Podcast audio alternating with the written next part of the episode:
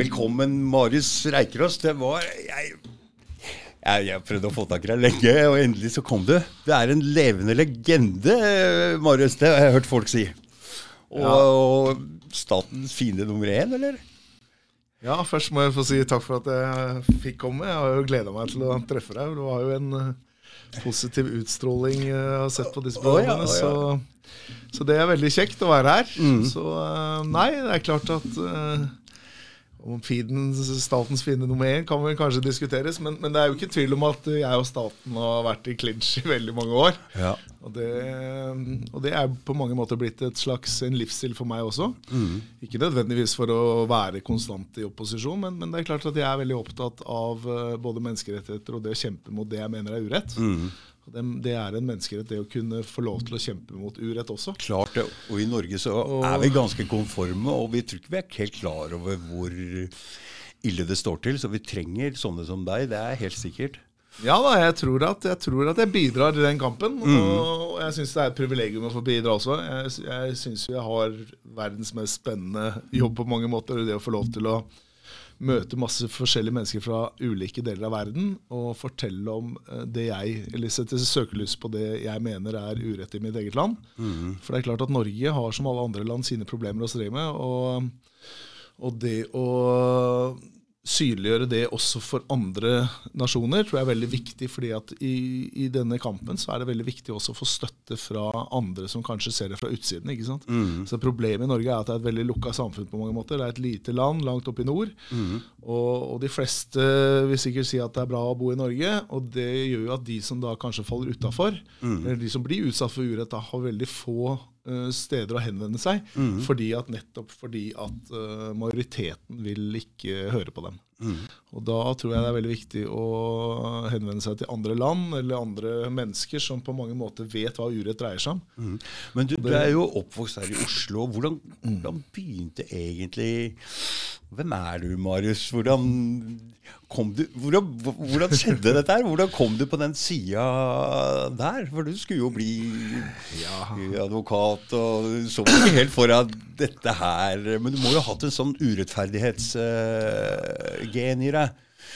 Ja, da jeg var sju år da jeg lå i lenke i Altavassdraget, husker jeg. Oh, ja, Oh, ja, Oh, ja, Oh, ja. Mhm. Sammen med foreldrene mine, så jeg har nok fått inn Jeg var, jeg var ikke gamle karen, jeg gikk i demonstrasjonstog på, på slutten av 70-tallet. Ja.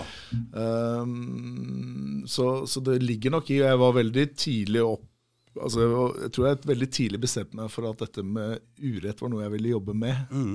Så det har nok Før, ligget litt før du begynte å tenke på at du skulle bli jurist? Ja da. ja da så, Var det mange av det kaliberet på, på som, var, som hadde de meningene på, på? På jusstudiet? Nei, og Det er et veldig godt spørsmål, for det husker jeg veldig godt. Eh, Jeg kom egentlig til Bergen for Jeg fikk et tilbud om å prøvespille for Brann. Jeg var brukbar å spille fotball. Å, du var såpass god! Ja, ja. Oi, oi, oi. Så- Men hva det var- spilte du? Du er 1,95, du må jo være spiss. Ja, jeg var spiss. Ja, ja, ja. men, men, men poenget var i hvert fall at jeg, jeg fikk ikke den kontrakten jeg mente jeg skulle ha, da, så da begynte jeg på jusen isteden. Fortsatte å spille fotball, selvsagt. Ja. Men, eh, men, men jeg husker veldig godt første og eneste forelesning jeg var på i, på jusen vinteren 95. Eh, Da husker jeg veldig godt at jeg følte at dette her var på en måte et sånt eh, Her ble vi på en måte slusa inn i sånn hjernevaskstudium. Hvor det første vi skulle mene noe om, var at Norge hadde verdens beste rettssystem. Oh, ja, ja, ja. Og at eh, det var veldig konformt. Da. og da tenkte jeg allerede da at dette her vil jeg finne ut av sjøl. ja. Så jeg tror at allerede på jusstudiet så gikk vel jeg en annen vei enn de andre. Ok, vi har det allerede der. Og, Så. så, det, så det tror jeg nok ligger litt i blodet mitt, at jeg eh, nødvendigvis vil ikke følge strømmen. Og Men da hadde du blitt en jævla Det var derfor du var en god fotballspiller òg? Fordi du ikke er helt lik som de andre, eller? Ja, jeg elsker jo å spille fotball siden jeg var fem år. Mm. Altså, jeg har like stor glede i en alder av 48 å spille fotball Ja. som nå. Mm. Det å treffe gutta i Bergen og spille, Mm. spille et par ganger i uka, det gir en enorm sånn tilfredsstillelse og glede. Bare det å være sosial. ikke sant? Og ikke det- bare det, men du spiller på et lag, og det laget er som lag, en det det, samarbeider. Det er spesielt. Uh, Ja, så er det folk fra alle mulige du, ja, det skal jeg bare fortelle. Jeg var jo kjeltring da jeg spilte, og jeg spilte jo sammen med tollere, og han ene har jo blitt uh, Han er, ene er jo sånn eh, største politiadvokaten. Så, men dem er jeg jo på en måte litt venner med ennå, men det, det var greit. Men fotball er fotball altså, Lagidrett bringer deg sammen, og det tror jeg er en veldig god eh, ballast å ta med seg i livet. Mm. Ja, det er I hvert fall har det vært det for meg. Det Og, for meg også. men jussen for meg var å finne litt ut av verden sjøl, og så gjorde jeg jo det som kompisene mine steila over. Jeg valgte å spesialisere meg i menneskerettigheter. Og det, Ja. og det husker jeg at kompisen min var er du, sprø i huet, liksom? Skal du Der er det ikke et- noe penger? Skal du bruke et år i, av livet ditt på noe, som, noe så dumt som menneskerettigheter når vi har verdens beste rettssystem? Der tror jeg Mm. Og, det, og det, jeg ble liksom allerede da litt sånn latterliggjort for at dette, de gutta skulle ta selskapsrett. Og, Ja, for der er det penger. Olje og gass Ja, ja, ja, ja, ja, ja, ja. Det var skatterett, og Ja, ja, ja, ja. der penga lå. Ja. Mens menneskerettigheter var noe forbanna tull, fordi at det var helt meningsløst. Mm. Fordi at det var ikke noe vits med noen menneskerettigheter i verdens beste rettssystem. Det, det jeg ser da med en gang, det er at du er ikke spesielt Jeg vil ikke spesielt sett på deg, for du er veldig mannlig og maskulin type. Og det liksom med menneskerettigheter og sånn, det er liksom ikke det jeg forbinder med det, men det er absolutt det som trengs. Så Jeg mener jo menneskerettigheter er nettopp det der. Ja, det er jo ja, de ja. som tør og våger å stille spørsmål mot makten Mm, og eliten. Det er jo det men Menneskerettigheter er egentlig veldig enkelt. Det dreier seg om at vi må ha noen sett med regler eller garantier som beskytter oss mot alle disse overgrepene som makteliten kan utsette oss for. Og hva er det vi ser i dagens samfunn? Altså, hva har vi sett i løpet av det siste året? Mm. Jeg har sett at menneskerettighetene raseres hver eneste dag. Og ingen tør å stille spørsmål, fordi at makteliten har på en måte monopol på hva som er rett. og sånt. Og Det merka jeg jo allerede da jeg kom fra Polen i dag morges. Så, så kom jeg altså til Gardermoen, og det første jeg må gjøre, er å laste inn en app som på en måte skal holde Spor sporingsapp? Sporingsapp, ja, som skal laste ned, som skal kontrollere hvor jeg kommer fra, eller hvor jeg skal. Sånn at myndighetene kan holde tritt med hvor jeg er. Du sant? måtte laste ned Den må du laste ned. Du kommer ikke inn. Du kommer Nei. ikke gjennom passkontrollen. Nei. Og så må du, etter du har lasta ned den og skrevet ned dataene, så må du da vise den til hun politidama i eh, passkontrollen. Mm. Og så stiller hun deg noen spørsmål. ikke sant? Nå må du love som en, sånn- Du føler deg som du er ti år. Nå må du love å dra rett hjem! altså, og, så, uh, og så kommer du gjennom da Så kommer du ned i taxfree-en, som ikke er over, ja, den er vel halvveis åpen. Mm. Og så er det en rekke sånne vektere som sluser deg inn til Du får jo ikke gå ut. Nei, nei, Du må gå rett inn i en sånn koronatest. Og jeg stilte spørsmål hva hvis jeg nekter deg? Mm. Og så lo de litt av disse unge vekterne. ikke sant? På svære ball sa hva hvis jeg nekter? Nei, nei, da kommer vekterne og politiet og tar Så du, du har ikke noe mulighet. Ja. Og så må du fylle, ned, og så må du fylle ut ytterligere informasjon. Og så eh, er da siste stopp å ta disse to testene. Én En i nesa én en i kjeften. Og så får du liksom komme Du må ta to. Du må ta to, ja. Så, og, og alt dette dreier seg om ekstremt inngrepende tiltak i dine rettigheter.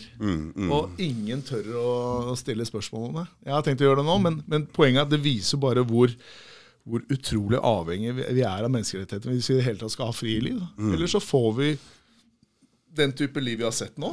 Og så, hvor, hvor på en måte folket godtar alt. Og det, og det er Du, det du som har skremmer blitt meg mest. grooma du fram til den koronagreiene her uh, slår til nå.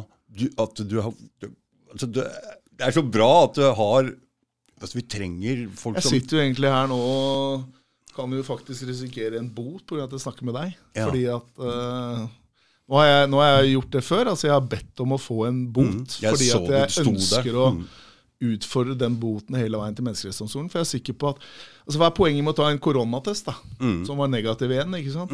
Eh, For ørtende gang. Mm. Hvis du skal i karantene etterpå, er ikke, det, er ikke hele poenget med en koronatest å si at ja, da, da mener myndighetene at du er frisk, da, hvis den er negativ. mm. Men det er 14 dager garantering, egentlig, eller? Jeg tror det er 10 dager. det. Ti Men, dager, ja. eh, Mm. Og, og hva er det for noe? Skal du inn på et sånn eget hotell, eller hva? må du hjem til deg sjøl? Du bor jo ikke her i Oslo, du. Så. Nei, du må jo hjem til deg sjøl, så. Mm. så må du sitte der. Altså, det er jo veldig diffus hvordan disse koronagreiene er. Altså, hvordan disse praktiseres. Mm. Men hele poenget mitt er at Norge er en versting når det gjelder å bryte EMK artikkel 8. Det er jo derfor vi er dømt så mange ganger i Menneskerettighetsdomstolen også på barnevern. Og hver dag Er det EMK 8? Er det, det dreier seg om din personlige integritet. Mm. Altså Det er det det dreier seg om. Mm. Og når Norge ikke respekterer EMK artikkel 8, så mener jeg at det er viktig også utfordre systemet også på de inngrepene de gjør mot oss Mm. uh, i det daglige. Mm. Uh, For at hvis ikke de gjør det, så, så, vil, jo disse, så vil jo bare folket bare la dette likegyldig passere. Og så si ja, ja, sånn er det. ikke sant?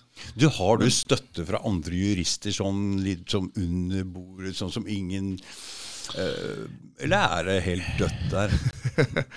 Nei, Jeg tror ikke jeg er Norges mest populære jurist, og det er helt ok. for å si Det sånn. Det har jeg ikke noe be- behov for heller. Det som er mitt eh, Jeg har veldig god støtte fra mine støttespillere eller mine venner i Øst-Europa. Jeg føler meg mye mer hjemme i de landene, og jeg tror mye av grunnen til det er at de ser nok jeg tror nok at vi ser verden, altså, eller kampen mot urett, my, my, mye mer likt på mange måter. I den forstand at, man, at, vi, at, at vi tenker sånn som at det er en plikt, hvis du er jurist, da, så er det faktisk en plikt å være i konstant opposisjon mot eh, det offentlige, eller de som forvalter makt. Og hvis ingen tør å ta den jobben, så, så har du egentlig ikke noe som menneskerettsjurist å gjøre heller. Nei. Altså det, er, det er ikke noe popularitetskonkurranse å bli menneskerettsjurist. Var det mange på, det, på den menneskerettighetsdelen av eh, faget når jeg gikk der? Nei, det var vel jeg og en, en eller to til.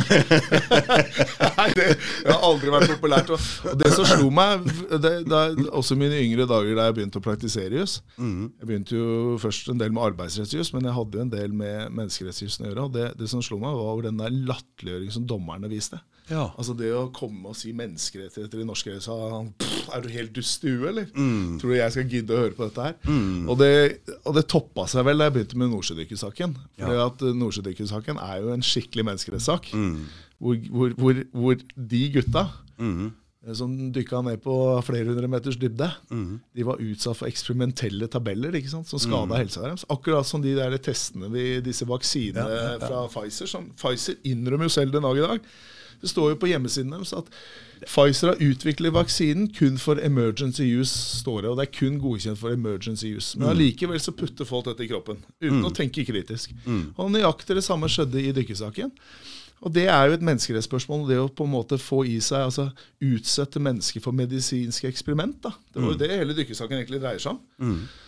Hvor lenge har den saken holdt på? Det er jo, dette er jo haugevis av år, og dette har vi tjent så mye penger på. Og hva er det de driver med å være så smålig og ikke betale de gutta der som ofra Ja, liv og helse? de har jo betalt de norske dykkerne litt. da. Ja. Etter den dommen i Menneskerettighetsdomstolen så utbetalte de, men de ga jo blanke i å gi samme kompensasjon til de utenlandske. Ja. Og det føles jo veldig Så smålig, så mye penger, fordi, så mye fordi penger at, fordi at det var de utenlandske dykkerne som måtte gjøre de farligste jobbene. Oh ja, for oh ja. det var for farlig for nordmenn. Oh ja. Så de putta, de putta de utenlandske til å gjøre de farligste jobbene. Men, men hele poenget er i hvert fall at dykkersaken den viser jo den, den, Da jeg prøvde i hvert fall å si at dette er en menneskerettssak for norske dommere, så ble jeg møtt med en latterliggjøring som jeg aldri har eh, Altså en sånn, en sånn dårlig skjult forakt da, mot ordet menneskerettigheter. Og det har på mange måter fulgt meg hele veien siden. At norske dommere de, de hater alt som har med menneskerettigheter å gjøre. For det er noe som forstyrrer den konforme sona som de er i. Og det er klart at det har jo forårsaka, ikke minst i forhold til disse barnevernssakene. Jeg har jo hatt rett. Altså, Du blir ikke dømt i Menneskerettighetsdomstolen 18 ganger hvis ikke Norge systematisk bryter menneskerettighetene. Eh, Men, men du ser jo den, hvor lang den kampen har vært. Og det er fordi at Norge har hatt en tro på sitt eget system som ufeilbarlig, og så har man ført tusenvis av familier inn i ulykka. ikke sant? Det er det tragiske, at du ødelegger så mange oppegående familier eller mennesker fordi at systemet har en sånn derre hellig holdning til seg selv om at vi er ufeilbarlige og vi er perfekte. Og Det er noe jeg reagerer veldig med det norske systemet, og, og, og som jeg også merker at utlendingen reagerer veldig mye på Norge på. At vi har en litt, sånn, en sånn litt arrogant og litt ovenfra og ned-holdning i forhold til andre land eller andre mennesker. Og det, det skremmer meg veldig at vi har den holdningen. Og det skremmer også veldig i forhold til hva vi ser i disse koronatider i dag.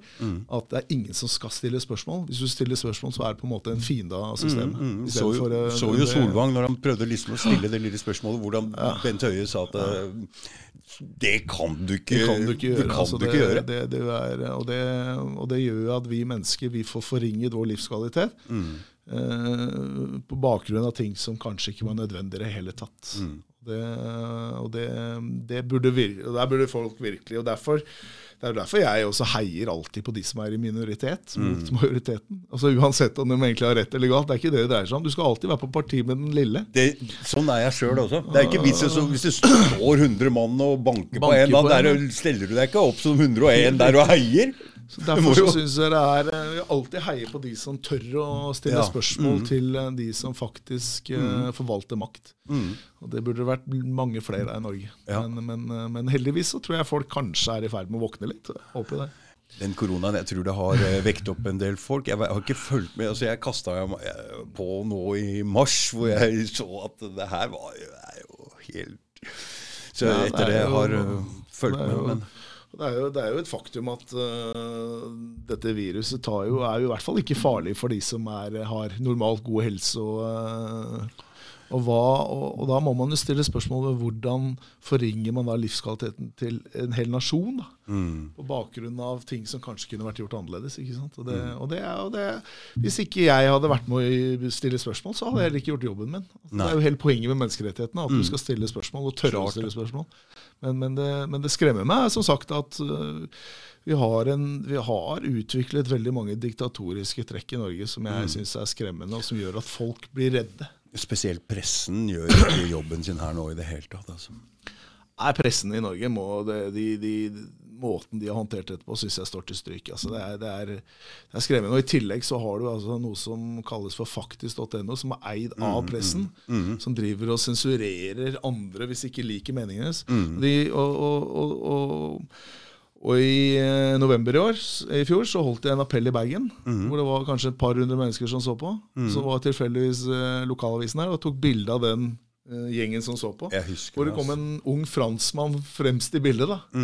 Og han øh, kom jo på jobb da, 29 år gammel, kom på jobb mandagen, og så kommer hun bestyreren og sier nei, du får ikke jobbe her med, for du var på, du var på demonstrasjon på det. lørdag, så her kan du ikke jobbe mer. ikke sant? Mm, og det, det, det, ble en sak mellom deg og faktisk.no, Ja, og så, så, så skriver jeg, da han kontakt med meg, og så skriver jeg det at i Bergen får fyken, eller får sparken, Mm. eh, på godt østlandsspråk, får sparken, fordi at du deltar i en lovlig demonstrasjon. Mm.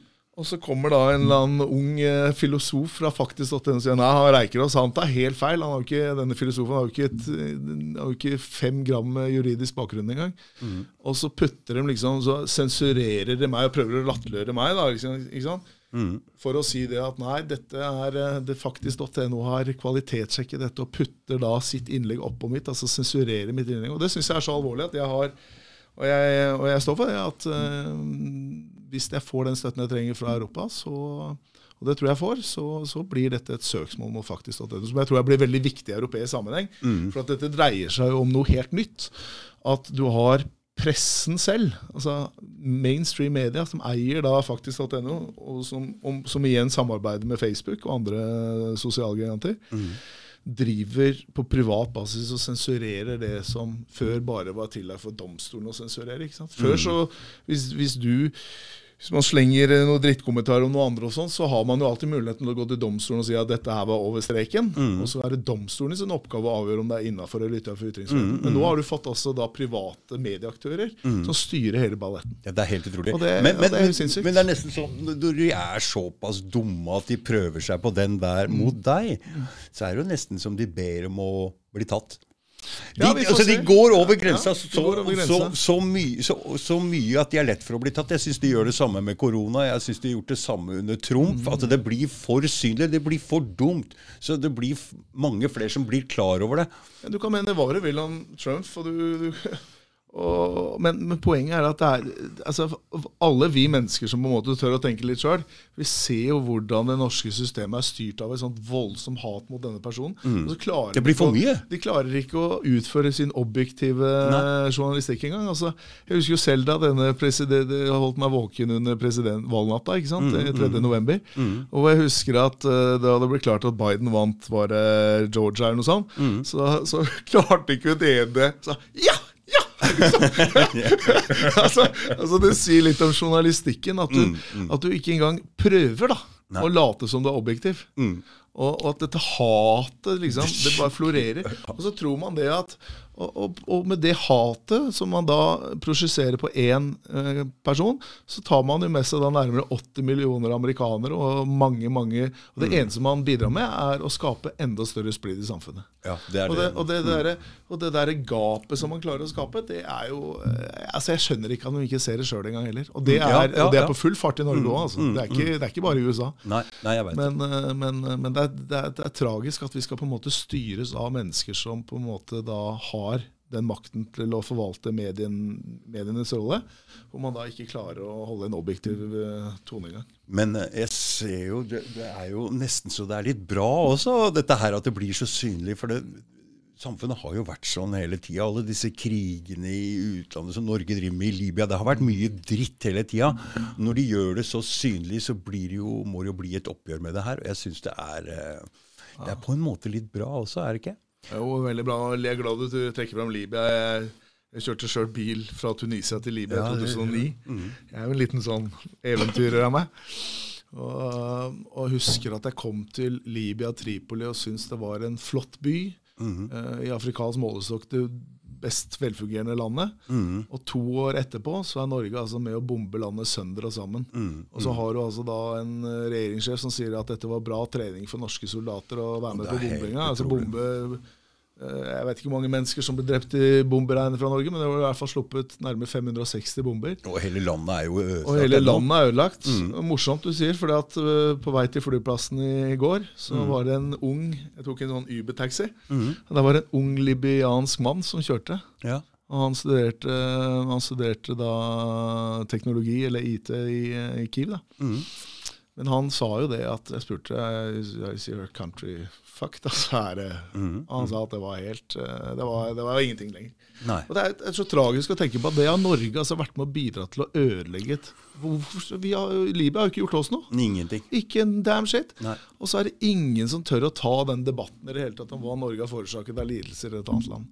Nei. Og Det synes jeg er eh, Det, det, det er selvsagt trist, men det er- vitner også noe om at, at vi har et system som ikke tør engang å touche i de, i de kontroversielle rekkene. Altså. Nå kommer det opp en del nye partier, men jeg tror faen ikke noen av dem er villige til å ta akkurat den debatten der heller. Fordi de er um Selv om de er kritiske mot mye annet, så tror jeg de er for Israel-vennlige og ikke er interessert i noe av det Midtøsten-problematikken i det hele tatt.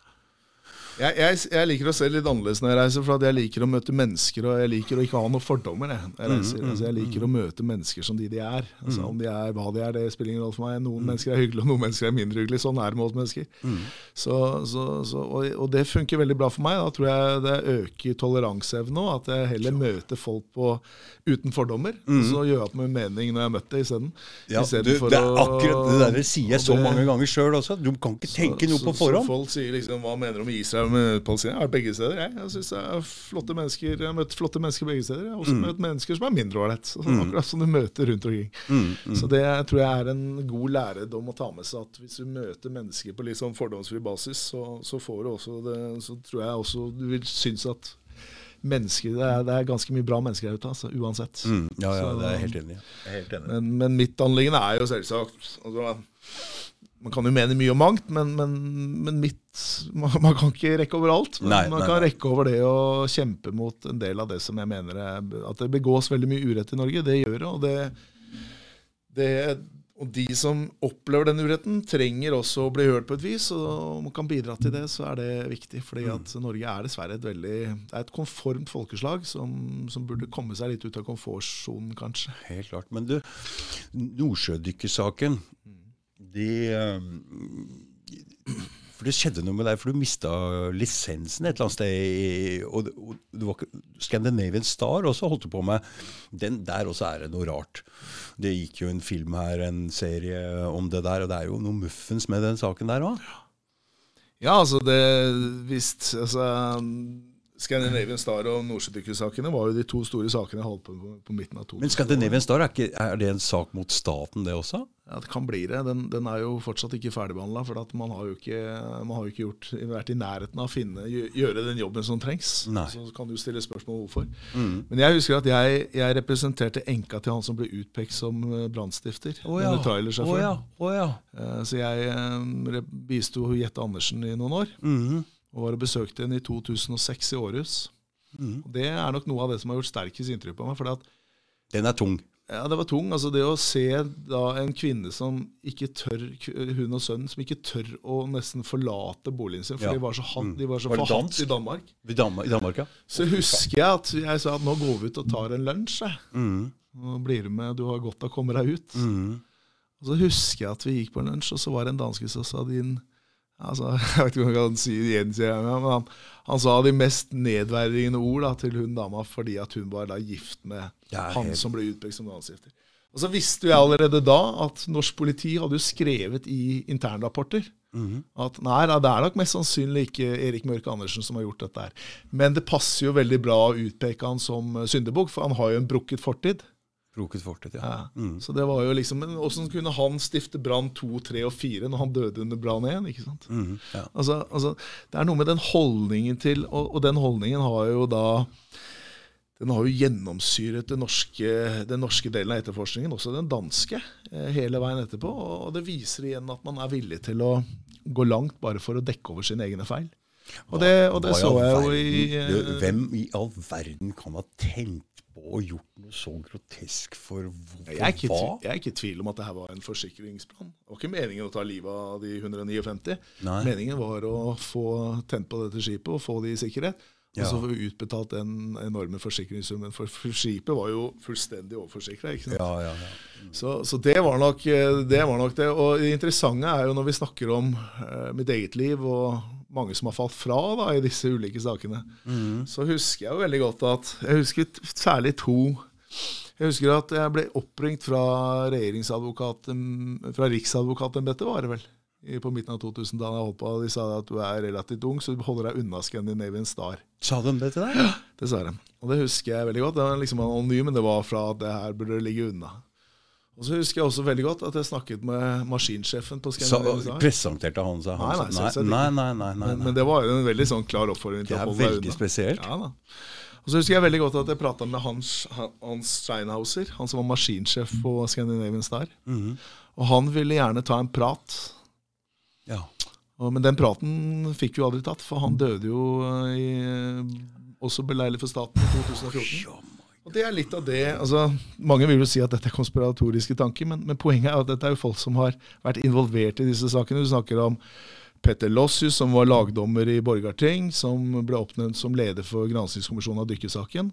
Det Han- har jeg fått med meg. Han, han døde jo i 2003. og han uttalte seg for at de skulle få erstatning, ikke uttalte seg for det, og så ble jo han da, han kom aldri tilbake som dommer, og gikk tilsynelatende ut i sykemelding, og druknet da i uh, høsten 2003 Oh my god, Marius, nå Dette her er jo Jo, men da er det, Ja. Lossus, og så har du da ikke minst eh, Torbjørn Bjerkeseth, som var kanskje dykkernes viktigste mann for å få fram den enorme dokumentasjonsmengden som de faktisk har fått. Mm. Som også døde måneden etter at Lossus døde. Mm.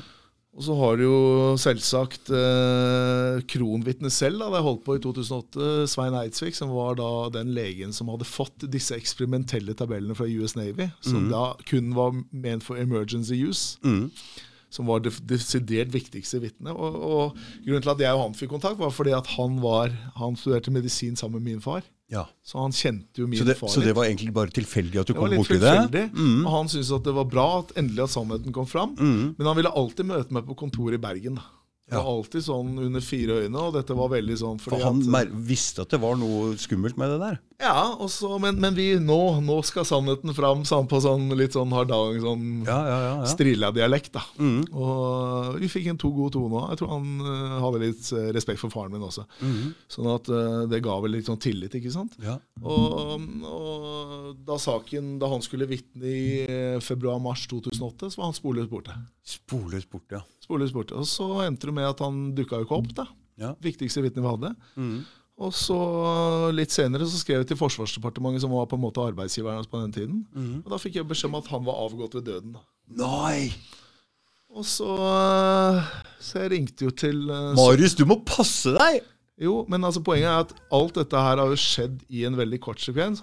Og, og rett etterpå så gikk jo jeg gjennom et jordskjelv. Plutselig så tok det fra meg lisensen og slo meg konkurs med bare måneders mellomrom. Ja. Og, og, og hele fundamentet ramla jo sammen. Så, så hadde jeg ikke hatt en sterk psyke, så hadde jeg ikke sittet her i dag. Nei. Det er jo klart, Da hadde jeg ikke, fått, uh, hadde jeg ikke hatt den oppbergningen bl.a. av noen av nordsjødykkerne. og sånn, Så det viser jo hvor, hvor, hvor, sårbart man er mot dette systemet. Og, og, det er klart at når jeg ser Steinhauser i Scandinavian Star-saken, Eh, Lossius, Bjerkeseth, eh, Eidsvik, ikke sant, som bare forsvinner beleilig, og, og, også min egen sak. Mm. Det er mhm. klart at jeg, har, jeg, er i min fulle rett til å fighte mot det jeg mener er urett selv. Klart det. Og det er, det, det er, mye av det som har drevet meg i denne kampen også. Og jeg har um, det at jeg mener at denne staten har begått veldig mange overgrep som, som, og hvor, hvor, man faktisk må ta igjen.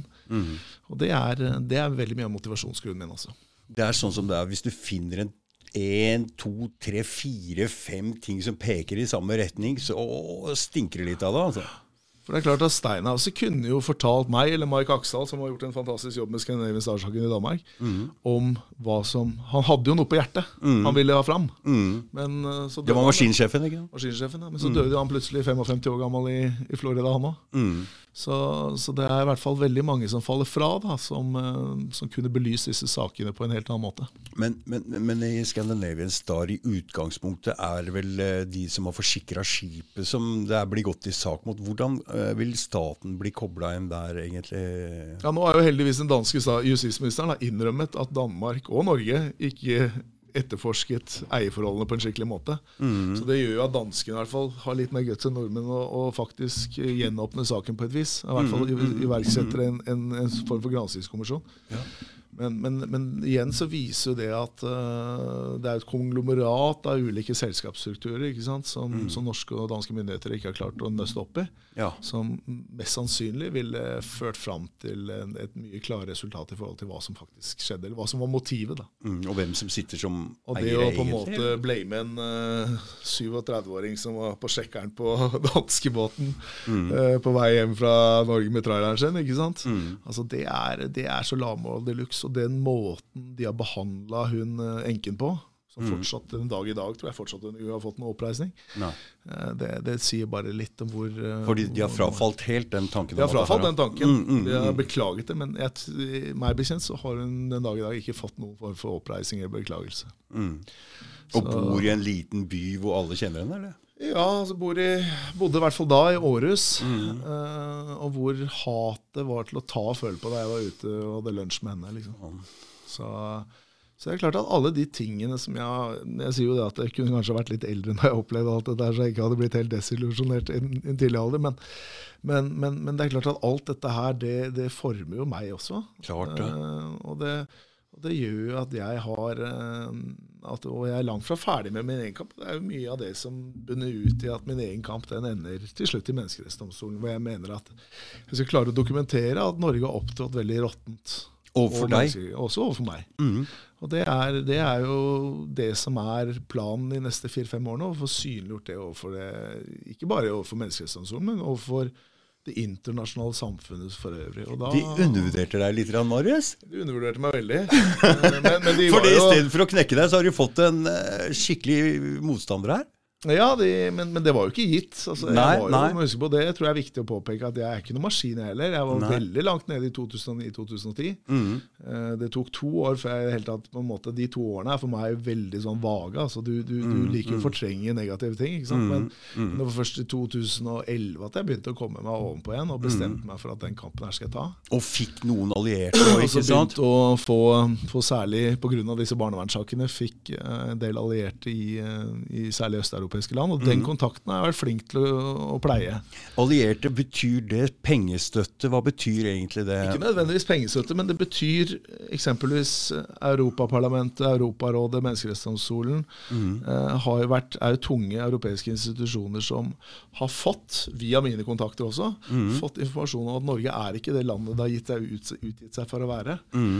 Eh, så, så den beste støtten jeg har fått, er at disse menneskene har tatt mine anklager grunnlaget på alvor, Mm. så har de adressert de videre. Når jeg f.eks. er i Ukraina og møter ukrainske medlemmer av Europarådet, Mm. så er jo litt av poenget at de som sitter i Europarådet, Mm. skal kunne kanalisere det inn. Europarådet er jo verdens største menneskerettsorganisasjon. Det er det det er. Ok. At de skal kunne si i sine plenarium, eller plenumsmøter Mm. at sånn, sånn reise bekymringsmeldinger om Norge. da. Akkurat som norske stat Det er en bekymringsmelding, ja. det er bekymringsmeldinger. så Dette har jo vært utall bekymringsmeldinger til f.eks. Menneskerettighetsdomstolen før de begynte å ta disse eksempel barnevernssakene på alvor. da. Mm, Og så Nå seriedømmer jo Norge. Nå blir jo Norge dømt, dømt, dømt og dømt fordi at Menneskerettighetsdomstolen har skjønt at i Norge har man et dysfunksjonelt system. Mm. Hvor, når var første saken du fikk gjennom der? Ja, Det var Lobben-saken. Det var Lobben-saken. det jeg, fem- Jeg brukte nesten fem år på å overbevise Menneskerettighetsdomstolen om at, eh, at det var noe fundamentalt galt. Mm. Og Lobben-saken var den første av de 40 sakene som ble kommunisert. Mm. Og det var, Den ble kommunisert i desember 2015. Ok, Så det er såpass nytt. Ja, er såpass nytt. Mm. Og Og da hadde du jobba med det i fem år. da hadde jeg jobba med problemstillingen i fem år. Før du presenterte den for dem, eller hvordan er det man går Nei, fram med menneskerettigheter? jeg hadde jo prøvd å få fram andre menneskerettssaker òg, men det var vanskelig å bli hørt. fordi at Norge hadde på en måte Norge, Og det skal den norske stat ha, altså. Mm, De har vært- De har godt rykte. Ja, nei, de har vært flinke til å bløffe. Flinke til å bløffe. Flinke til å si at i Norge er alt så bra, og, og så gir man masse penger til andre land. ikke sant? Og det er jo også en, måte, det er også en form for korrupsjon. Altså Det å gi milliarder her og milliarder der, så er det klart at da er jo disse landene fornøyde. De sier ja, Norge er et lite land Ja, oppe i nord. altså ja, ja. Hvorfor skal vi bry oss om den? Det er jo masse alvorlige menneskerettsbrudd rundt omkring i Ja, for det er det jo. Og det er jo, det er jo ikke tvil om. Så, så Norge har på en måte gått klar da, veldig lenge før denne Lobben-saken. Men jeg hadde følelsen da jeg traff eh, Trude Lobben, så hadde jeg følelsen dette er saken. Dette er som, saken, ja. dette er saken. This is it. Og det var det. Eh, men må ikke glemme det at eh, i kammeret så tapte vi den saken med én stemme. Da, Første gangen? Første gangen. Så, Og- og, og hvilken hva slags stemme- ankemuligheter og sånn er det der, eh, egentlig? Nei, nå skal du høre, for det at vi tapte Det var i november 2017. Da kom avgjørelsen, og da tapte vi med fire mot tre stemmer. Og Det var den norske dommeren som dømte i Norges favør. Riktig. Så mye hopp!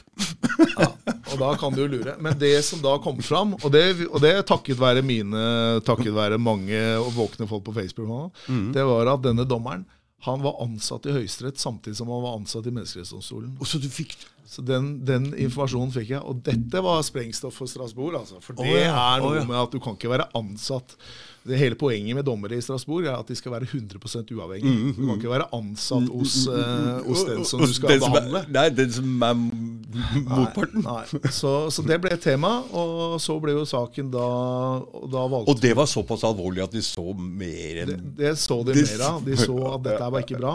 Og du må huske på at Dommeren han måtte slutte to år før tiden nå. Han slutta jo to år før tiden ja.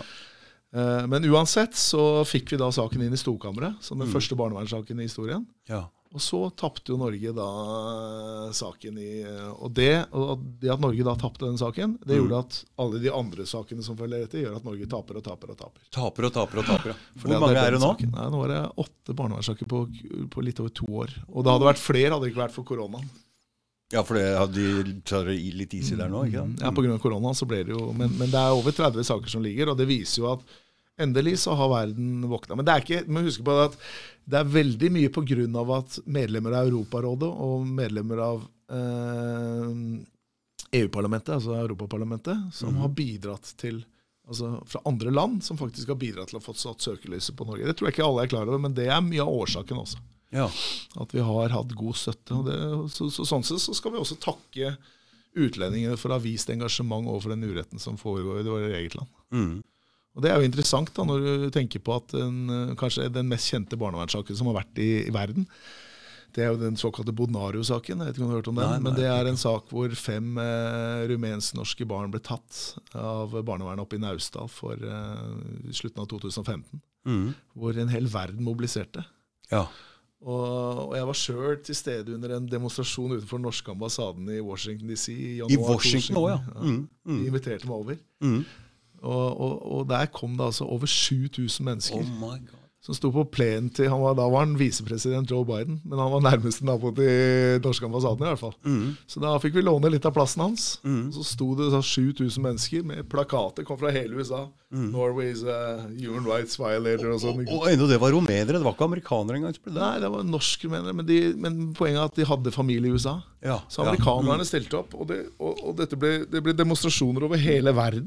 Ja. var 100 000 som demonstrerte. Men i Norge der var det kanskje et par hundre som møtte opp. Mm, mm. Så det viser jo igjen at uh, vi, vi, vi sitter liksom på berget og to våre hender og Tror, tror at alt er bra, ja? tror at alt er bra. Så, eh, men, eh, men det er, og, det, og det gjør jo at selvsagt at jeg blir veldig inspirert av Klart å møte folk fra klart andre land. Mm, For mm. det at jeg syns at de har en annen tilnærming til det å kjempe mot urett. Jeg tror at alle mennesker bør være engasjert i det å Eller engasjere seg i det man føler er urett. altså. Klart det, det, det, det er er jo noe av essensen i å være menneske. Ja, det er helt enig. Det er helt enig. Ja, og derfor så, som sagt, syns jeg det er veldig bra med disse menneskene som tør også i koronatider å stå opp mot mobben. da. Fordi at du, Med en gang du sier noe kritisk, Mm, Ja norske myndigheter, så blir du kasta til ulvene, og du får masse pepper. Mm, Og da synes Jeg da, jeg har veldig respekt for den type mennesker som Om jeg er enig eller ikke, er helt irrelevant. Mm. Poenget er at de som, de som tør å gå mot majoriteten, Mm. vil alltid ha en høy stjerne hos meg. Ja, er, jeg er helt enig. Ja, det, det koster er, litt. det Så, koster litt. så det er helt annerledes for deg nå enn i 2010 nå. Du ser, Ja, du ser, altså- altså, du ser det, ting skjer, og Ja, altså, jeg føler jo snøballen ruller. Snøballen ruller, og selv så føler jeg at det var, en, det var den riktige investeringen å gjøre. Selv om jeg, det tar tid, og, det tror jeg gjelder for alle mennesker, at det, det tar tid, og du trenger noe erfaring for å hive deg ut mot makta, eller overmakten. ikke sant? Mm. Men, men jeg, jeg kan bare oppfordre alle som på en måte kjenner på det, at det å, det å kjempe, det, det gir veldig mye også. Mm. Det tror jeg, Og du, du trenger ikke å gjøre det til noe negativt. Altså Det at man harselerer med bruken av våre menneskerettigheter og det altså, får man heve seg over det, og så får man stole på eh, seg sjøl. Og så alliere seg med de som, eh, de som eh, For det er de gode menneskene, som jeg sier, og så dropper de dårlige. For det, det, er, det er i hvert fall sånn jeg gjør det.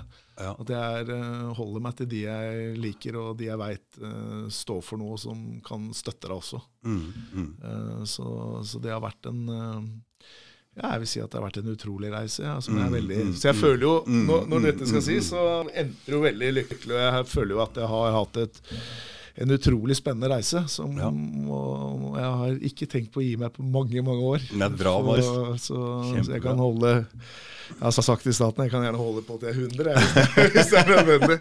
Så, så det, er bra, det er bare å tenke positivt. Men, men du, må en, du må ha en offensiv innstilling i hodet. Det tror jeg det er. Og det Mm. oppfordrer jeg alle andre som kjenner det at du, du kan ikke på en måte Det hjelper ingenting å synes synd på seg sjøl eller ta offerrollen. Her må man gå inn med hud og hår, og så må man være offensiv. Altså. For det Mm. verste man gjør, er å på en måte dulle seg inn i den der 'jeg syns synd på meg sjøl'-holdningen. For Mm. du får ikke gjort noe med det som har vært. Du kan bare gjøre noe med det som er framover. Mm, mm. Og da må du ha en, eh, da må du ha en litt sånn eh, være litt sånn psyko-offensiv, i hvert fall. Det måtte være en spiss fra gammel spiss som Fra Kjelsås, ja. Ja. da, det, det ble noe mitt lodd i livet, og, som sagt, det, det er helt ålreit. Fordi mentaliteten til forskjellige plassene på laget er jo litt forskjellig òg. En spiss er veldig offensiv og ser etter muligheter. Ja da, det, det er det, og det er det Jeg har jo min beste venn i Bergen. Han var jo en av Norges beste spisser. Mm. han, han er fra Haugesund. Det er litt morsomt. story. Han, han, eh, da jeg skulle kåre tidenes beste spiss i Haugesund, så var jo han Alle var enige om at han egentlig var den beste, men pga. livsførselen hans så ble han bare nummer tre. men hele poenget var at han han, øh, han, han, han, hjertet hans stoppa i øh, 2000. Han døde faktisk i åtte, Han var død, klinisk død i åtte minutter i 2013. Og var en medisinsensasjon i øh, Og det legene sa jo i, forhold til det med fotball at hadde det ikke vært for hans syke og fysikk, så hadde han hatt nubbekjangs. Og det er jo litt det han sier en dag i dag. Nå er han jo 54 og sier det at uh, Marius, jeg har vært død, så det er ingenting som biter på meg. Det er ingenting som, det er ikke mulig å psyke meg ut. Han er jo en veldig, veldig god inspirasjon for meg. da. Så, for, så, for han, han, har jo, han, har vært, han har jo vært det, og vet jo det at eh, han fikk, fikk sjansen igjen. Og det at han på en måte nå har den holdningen om at han skal han skal eh, nyte livet og gjøre det beste ut av det. Mm. Og har fått på en måte en sånn second chance. Det, det, det er en veldig sånn inspirerende holder for meg. Og det tror jeg er en veldig inspirerende holder for veldig mange andre også. Mm. Og det samme med um, Albert, som er også en av mine bestevenner, som er nordsjødykker. Mm. Uh, som jeg har kjent eh, siden vi begynte i 2005-2006. Mm. Uh, han også fikk jo en uh, Han fikk jo en alvorlig hjerneblødning. Mm. Uh, og svedde jo mellom liv og død. Og i dag er jo han tilbake i full vigør igjen. ikke sant? Mm. Og, og begge de to gutta er på mange måter sånn medisinske sensasjoner. altså i forhold til at, Men, men, men det som er fellesnevneren for dem, er at de har en utrolig sånn stå-på-syke. Mm. At det er ingenting som er umulig oppi her. Mm. Og det er utrolig inspirerende. Så det, det tror jeg er en del med disse dykker nå i forhold til den kampen de førte mot staten. Mm. Og de skulle pokker ikke finne seg i å bli trakassert av den her staten for at de, de gjorde Norge rikt, og så skal de, men staten ødela helsa deres, og så skal de bli avspist med smuler. Ja, det er helt utrolig. Så, så smålig. Jeg fatter så ikke. Og det at staten turte å undervurdere den gjengen på den måten her, De tøffinga, ikke sant? de tøffinga, det, det, det, det forundrer meg jo. For dette er mennesker som på en måte har, opp, øh, har testet hva som er fysisk mulig å Ja. utføre. Mm. Og så skal man på en måte si at fuck off, nå trenger vi deg ikke lenger, så nå kan du bare ha det så godt. Det er feil Og folk å døtte bort. Det, det, det er ikke den holdningen. Og det har vært veldig inspirerende for meg i min kamp. Og det Mm, gjør jo at jeg etter hvert som jeg også lærer meg dette gamet, da, for du lærer jo hele tiden, og det er jo flott, så blir du jo mentalt sterkere og sterkere. Og så ja. du å Og så får du jo flere og flere og støttespillere. flere og flere stø- støttespillere. Og det er, det er, det er viktig. Det er viktig. Mm. Men, men det viktigste jeg tror for enhver person er å jobbe med sin egen syke. Fordi at uh, du har, jeg tror vi mennesker har så utrolig mye mer å gå på enn det vi tror. Mm. Eller det vi kanskje føler i dårlige tider. At vi, kan, vi, vi, vi har uante krefter hvis vi bare vil få dem fram. Ja, det tror jeg og, det, og det har vært eh, det har vært min store inspirasjon også. Det gjør jo at du på en måte du, du, du henter ut noe som du ikke trodde du hadde. Ja, det er viktig å tro at du har noe veldig Ja, altså, sterkt og stort inni ja, seg. Så lenge du tror på det. Så jeg må si at jeg kan våkne opp en dag og bare glede meg til jeg skal skrive den mailen til departementet for noe jeg mener er helt horribelt. ikke sant? For Mm. jeg vet at det, De svarer meg sikkert ikke, men jeg vet at den kommer dit i hvert fall. Mm, mm. Og, og det skaper uansett en slags sånn De vet at det er noen som ikke nødvendigvis er enig i den maktbruken deres. Og det, og, det gir, og det å på en måte kunne gjøre noe som gir deg en tilfredsstillelse med livet ditt, da, uansett hva Mm. Det er viktig. det er så viktig. Altså Om du reiser til Indre Guinea, eller om du reiser til Svalbard, eller Men det å kjenne på den følelsen at jeg lever, ikke sant? Altså at jeg gjør noe, jeg gjør noe, det tror jeg er, det tror jeg er felles for alle mennesker. Vet jeg, Med den podkasten her så har jeg jo innom folk som er litt sånn ildsjeler, sånn som deg, og driver med noe viktig. Og jeg blir jo på en måte smitta litt av det, og jeg føler noe av den energien som det dere har. Og jeg blir bare så Jo, fylt har av det hele. Du har jo gjort, du har jo gjort noe veldig bra med at du har åpna en podkast og inviterer folk, og, og folk ser på det og kanskje blir inspirert. og sånn, Så det er, jo, det er jo ditt bidrag. Altså Vi gjør jo alle våre bidrag. Jeg, føler, jeg merker i hvert fall at det er noe energi, for jeg har ikke egentlig tenkt over hva jeg driver med i det hele tatt. Jeg har bare fulgt en sånn Men jeg tror det god er, det er, det er mye av nøkkelen da, Å gjøre det du føler for. Ikke nødvendigvis uh, leve ut fra et manus eller ut fra en, uh, en plan. Nei. Og så ha, ha dine drømmer og visjoner, og la folk ha og jeg er, veldig, jeg er nok et veldig sterkt sånn frihetsmenneske, så jeg mener at folk, så lenge folk oppfører seg bra, så skal man ikke lesse ned folk med lover og regler. Det er og, altfor mye av det. og det Alt det er jo blitt problemet et problem i Norge i forhold til resten av Europa. Altså, Ja, er- vi, er, vi er jo helt på kamp. Overregulert. Alt, Alt er jo overregulert, og det er ikke sånn i andre, det er ikke sånn i andre land. Ja, jeg merker bare jeg, drar, jeg, jeg var i Kambodsja nå sist, jeg bare tenkte oh, for meg, så deilig og fritt å bare få lov å kjøre motorsykkel uten hjelm. Ja, Og, jeg på det, liksom. Nei, det var så deilig. Og, og, det, det med, og det er nok noe av det viktigste med oss mennesker. At vi må jo ha, for å få kunne utfolde oss og kunne leve vokse. våre liv For For, å få vokse, så Ja. må vi jo ha frihet til å ta ansvar å ta for våre egne valg. Selvfølgelig. Vi kan ikke la en stat på en måte tre nedover oss hva vi skal gjøre. Og, Det blir som om vi er barn. det blir som vi er barn. Og det var litt den holdningen jeg følte da jeg kom på Gardermoen. i dag, Jeg følte meg som en sånn drittunge Mm. På barn, ti år. Ja. Sånn, Jeg gå der, gå Jeg der. Ta på deg maska. altså, altså, Jeg vet. Altså, jeg hadde vel altså, Det er liksom en sånn der, du, du, du, blir, du, du føler virkelig på den holdningen at her er du tilbake til drittungestadiet, hvor du blir behandla som en drittunge. Ja, du må gå der, du må gå der. Signer her. Har, har du lasta ned den appen? ikke sant? Du må jo, du må jo dele med, altså, og, det, og det samfunnet er jo ja, det, det, er, det, er, surrealistisk. Men ok, et godt bøtemiddel for det er å ta en del sånne ting med litt galgenhumor òg. Altså, det må mm, du. Mm. Mye galgenhumor er viktig.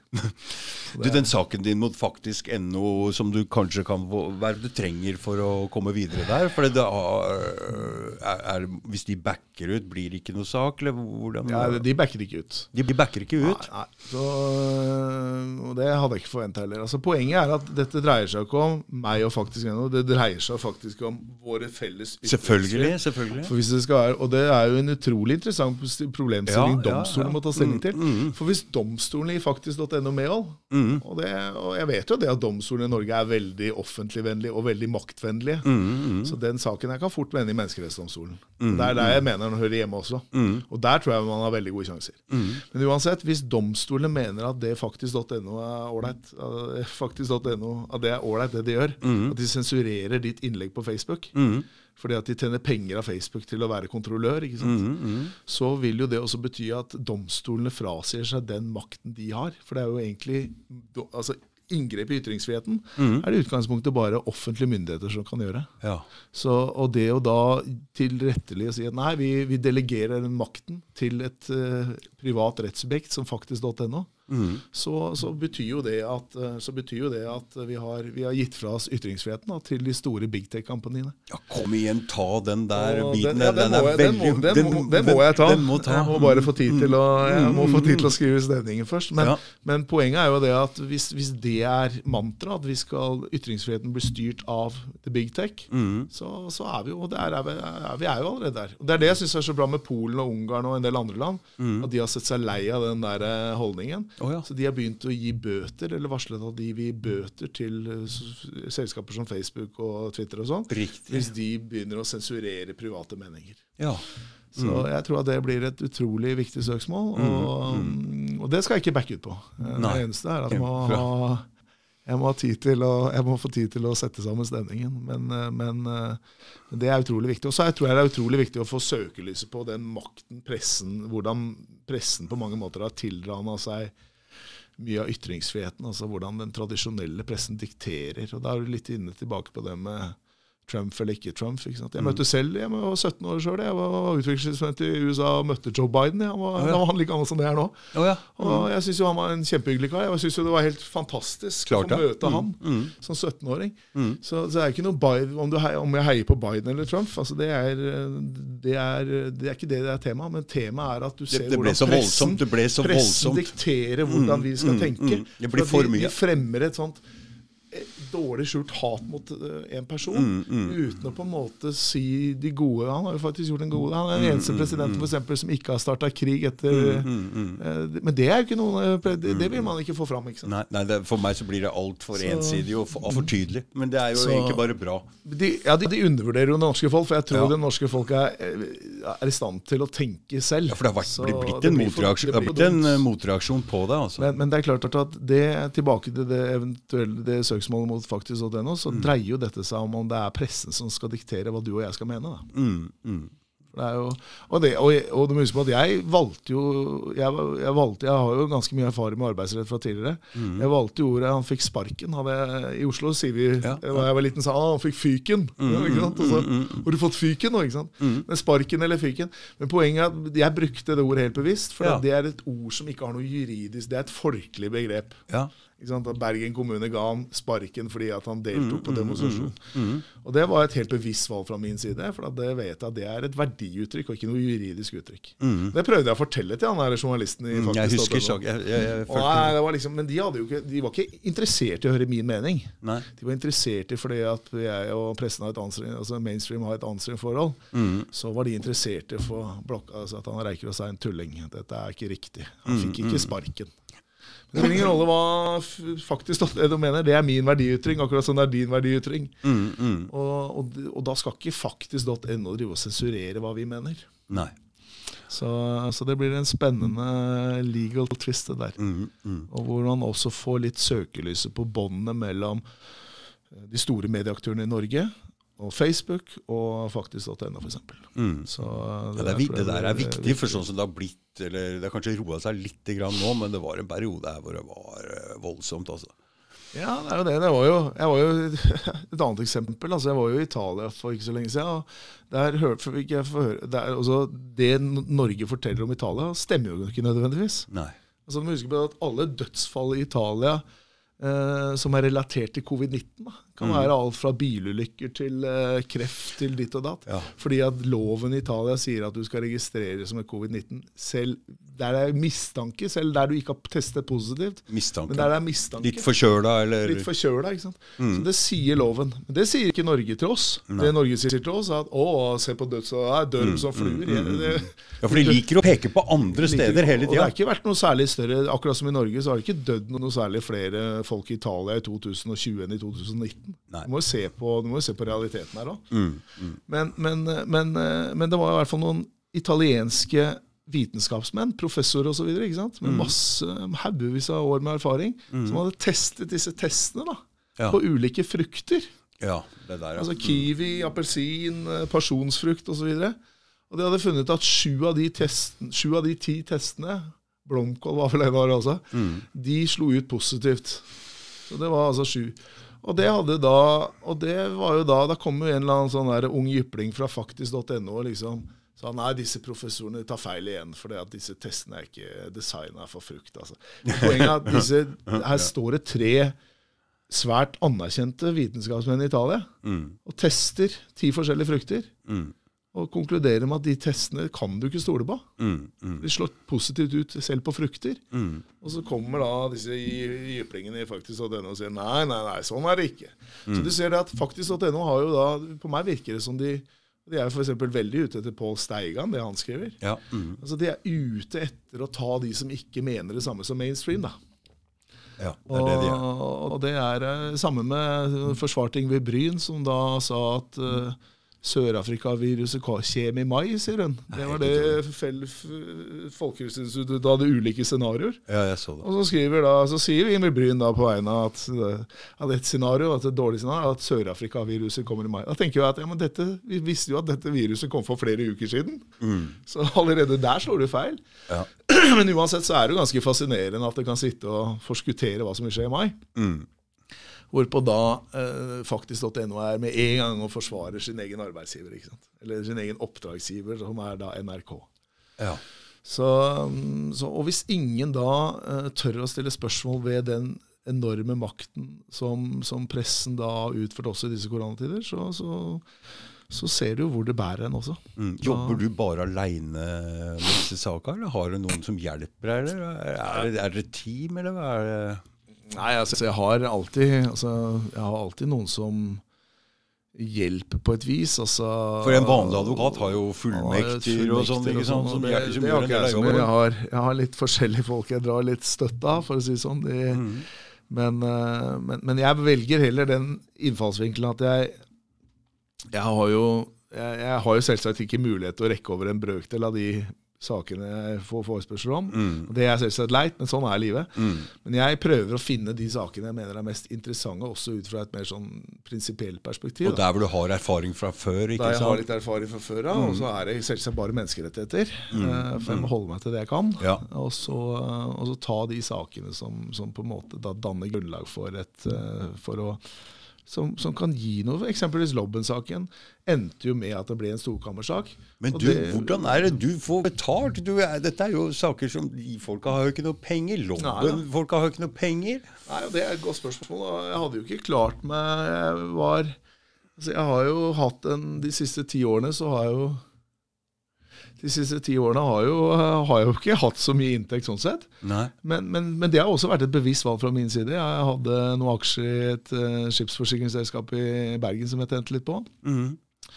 Og så har jeg jo eh, heldigvis, kanskje, i forhold til Det kunne vært vanskelig uten ressurssterke foreldre i ryggen. Ja. Og det har jeg. Mm. Og så, um, så jeg har klart meg. Mm, så får jeg alltid dekka disse turene mine og sånn, og litt lønn fra Menneskerettighetsdomstolen og sånn får jeg jo. Mm, Så det går rundt. Men, men det har også vært et helt bevisst valg fra min side at det er viktigere for meg i den fasen jeg har vært i, å, sette fokus på, på, de kampene jeg står i, mm. og ha fokus på det. Så får, Men- men, får eh, eventuelt erstatningen komme, eller pengene komme om noen år, hvis jeg vinner i Menneskerettighetsdomstolen i min egen kamp. Mm. Da blir det en ganske stor erstatning. Riktig. Men, men jeg, jeg tenker jo på det der med mm, Sånn som den eh, Erlend Efskin, de har jo en sånn spleis. Og den faktisk kampen burde jo vært verdt kanskje en spleis. Jeg veit ikke om du ville vurdert det Det kan være det. Det kan godt være det. Men, men først så skal jeg alliere meg med regjeringen i Polen og Ungarn. Ja. Mm, Så, så jeg, og jeg tror de vil støtte meg. mm, Jeg tror at det faktisk er en del land som vil støtte meg dette her. mm, Eh, så, så, så jeg kommer til å gå den veien først. Mm. Fordi at dette er viktige spørsmål, ikke bare for Nei, nei, nei. Dette er jo viktige spørsmål for, For hele verden snart. hele. Mm, mm. Og, og det, det kan godt hende at selv Europaparlamentet For jeg vet at Europaparlamentet er fryktelig forbanna på Facebook fordi at de Ja. driver og inter, intervenerer eller interferer, altså blander seg inn i ytringsfriheten. Altså lovene som Europa har laget for Europa. Mm, Så kommer et amerikansk big tech-selskap mm. som da driver og styrer ytringsfriheten. ikke sant? Og, og, og, påvirker folk veldig også. Påvirker folk veldig. Og de påvirka valget også, vet du. Mm, I. USA.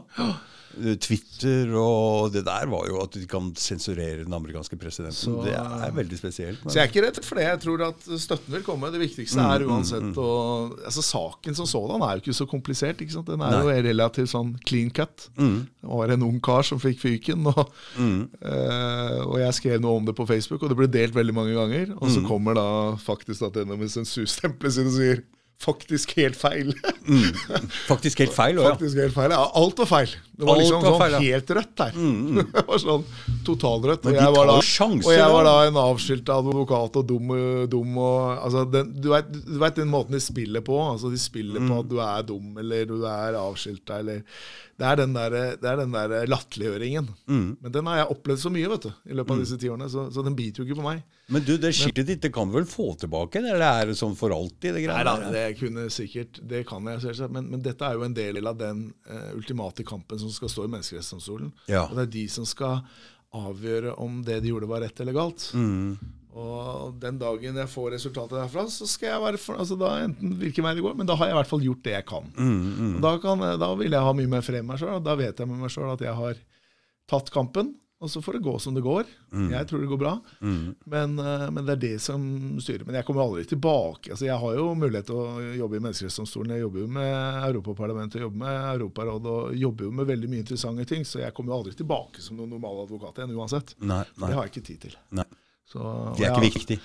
For du er en mann med en misjon, sant? Jeg er mann med en misjon, og jeg har funnet min plass. Mm. Jeg trives veldig godt med den plassen. Mm. Og, og da er det andre som får ta seg av Det kan sikkert hende at jeg tar noen rettssaker i Norge òg, men, men for meg er nok eh, det jeg holder på med nå, blir nok et sånt livsfarlig løp, tror jeg. For Mm. at jeg, jeg trives med det. Og, og, um, og jeg har på en måte kommet godt inn i den rollen. Mm, Så, så jeg ser ikke for meg at jeg blir noe sånn tradisjonell Jeg ser at du er blid, jeg ser at du trives, jeg ser at du er på rett Så jeg må på plass. en måte, jeg må som dere, jeg, vet, jeg må leve, jeg må føle at jeg lever, jeg må ut. Jeg må, jeg må få luften i vingene. og Mm, Jeg må ha Bergen som basecamp, men samtidig som jeg føler liksom at jeg er ute og treffer folk. og Folk fra andre land, og prater litt tull og, Mm. og litt alvor. Og, men, men kjenne på følelsen av å leve, og det, det er viktig. Så for meg var jo dette her Det, var jo hell i uhell. Det endte jo det var, ble jo, det var kanskje en mening med det, for å si det sånn. Jeg veit ikke. Bikkja uler, så jeg måtte bare lokke igjen eh, Det er løpetid rundt omkring. vet du, det er mange, som sagt, det er mange interessante ting. Så. Men den faktisk.no tar jeg jo sjøl.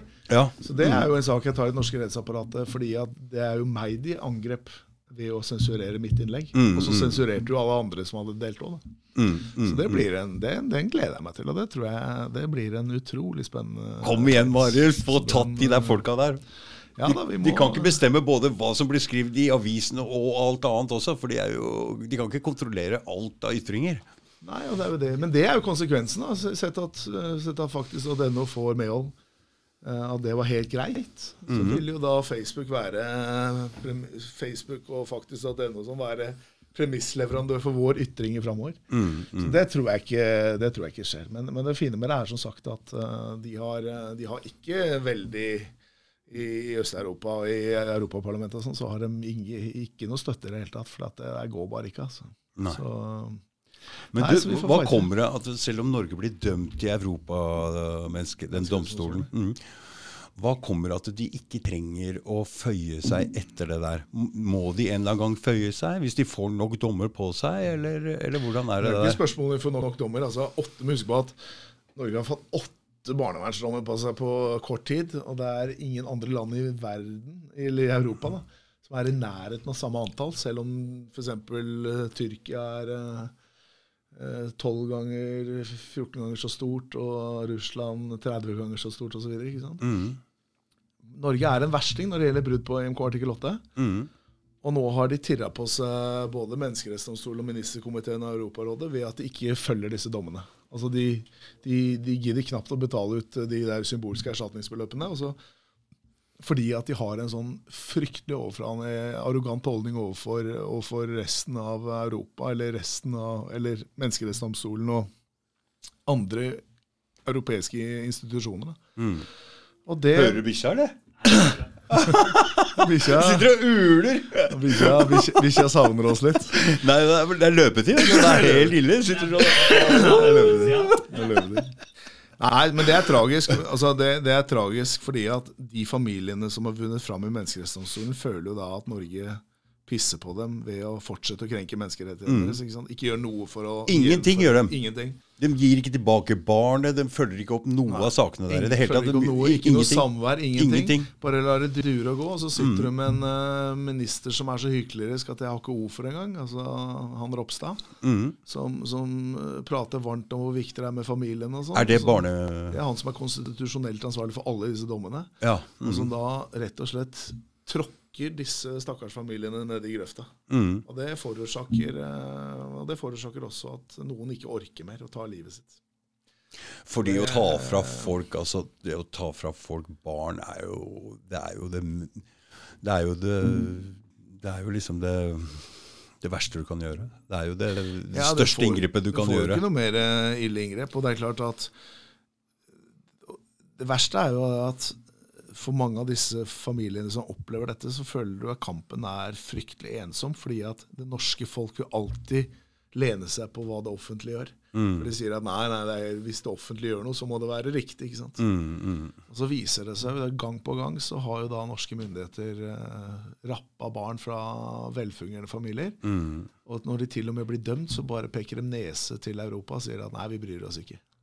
Det å, det å bevitne den holdningen, det gjør at du altså, Snakk om å skape splid. Hvis du ønsker et polarisert og hatsk samfunn, så er det nettopp det regjeringen bidrar med.